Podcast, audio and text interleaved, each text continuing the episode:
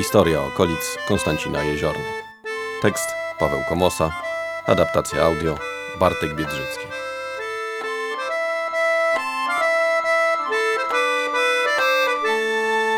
Odejścia. Początek listopada skłania zawsze do nostalgii i zadumy. Odwiedzając cmentarze, na chwilę zbliżamy się do śmierci, ośmieszając ją coraz częściej w ramach starego celtyckiego święta Halloween, które, szerząc się w Polsce, wypiera nasze refleksyjne wspominanie zmarłych i zwyczaj zaduszny, choć nikt już nie pamięta genezy żadnego z tych świąt. Wyeliminowaliśmy śmierć z naszego życia stopniowo i niezauważalnie. Mało kto uświadomił sobie, czego nam brakuje.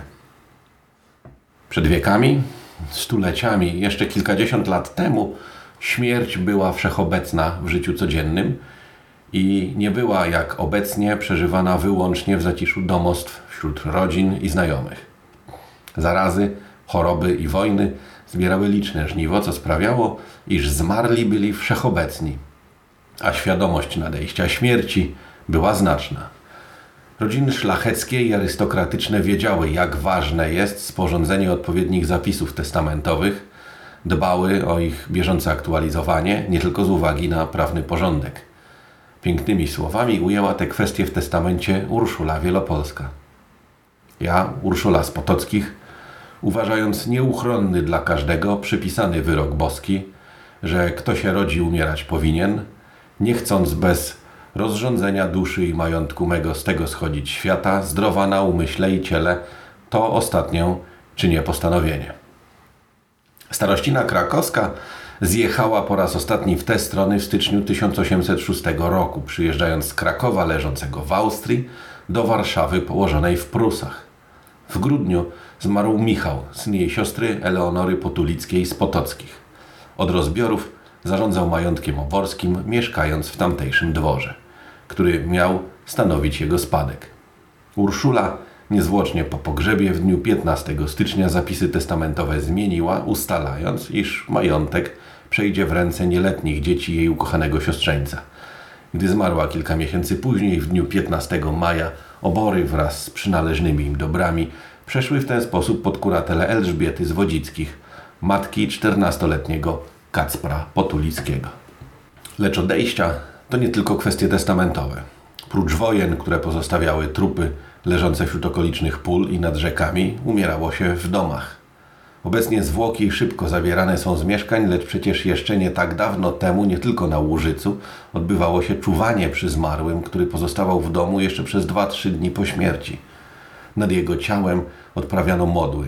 Najczęściej robiły to najstarsze mieszkanki miejscowości. Jeszcze w latach 80. takie czuwania odbywały się w tutejszych wsiach. Dopiero po ich zakończeniu kondukt pogrzebowy wyruszał do kościoła i na cmentarz. Starym zwyczajem odprowadzano wówczas zmarłego do granicy wsi, gdzie ustawiona była kapliczka. To jej kolejna funkcja w życiu tutejszych społeczności. Tam odbywało się pożegnanie, bo na pogrzeb nie wszyscy mogli się udać.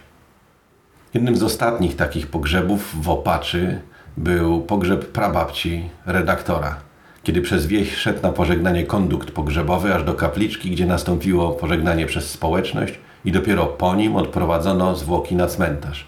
Miało to miejsce ponad ćwierć wieku temu. Od tamtej pory nikt z nas nie słyszał, aby gdzieś na Łużycu zwyczaj ten był jeszcze kontynuowany. Z odprowadzaniem na cmentarz różnie bywało. Czasem trumna była wożona, czasem w wypadku szczególnej zażyłości noszona przez najbliższych przyjaciół zmarłego. W latach 60. trumnę z Brzeźc do kościoła w Słomczynie przynieśli przyjaciele ucznia utopionego w Wiśle. Dziś wydaje się niewiarygodne, aby trumnę nieść tak wiele kilometrów, jednak w przeszłości zdarzało się to dość często. Od XIX wieku udawano się na cmentarze, gdzie odprawiano modły nad zmarłym. Wcześniej pochówki uprawiano w różnych miejscach, często przy kościołach. Jednym z takich miejsc był choćby teren nieistniejącego już kościoła w Cieciszewie. Dopiero w roku 1807 w księstwie warszawskim nakazano organizować cmentarze w określonej odległości od siedzib ludzkich, a na nich grzebać zmarłych. Wcześniej tworzenie cmentarzy i pochówki nie były niczym regulowane. W kilkanaście lat później wprowadzono księgi stanu cywilnego. od roku 1825 należało wraz z kilkoma świadkami udać się do kapłana, który wpisywał urzędową formułę. Stawił się, okazując niemowlę, lub stawili się, by zaświadczyć o śmierci. Właśnie na tworzonych od początku XIX wieku cmentarzach odwiedzamy naszych zmarłych dzisiaj, a śmierć jest teraz jakże odległa.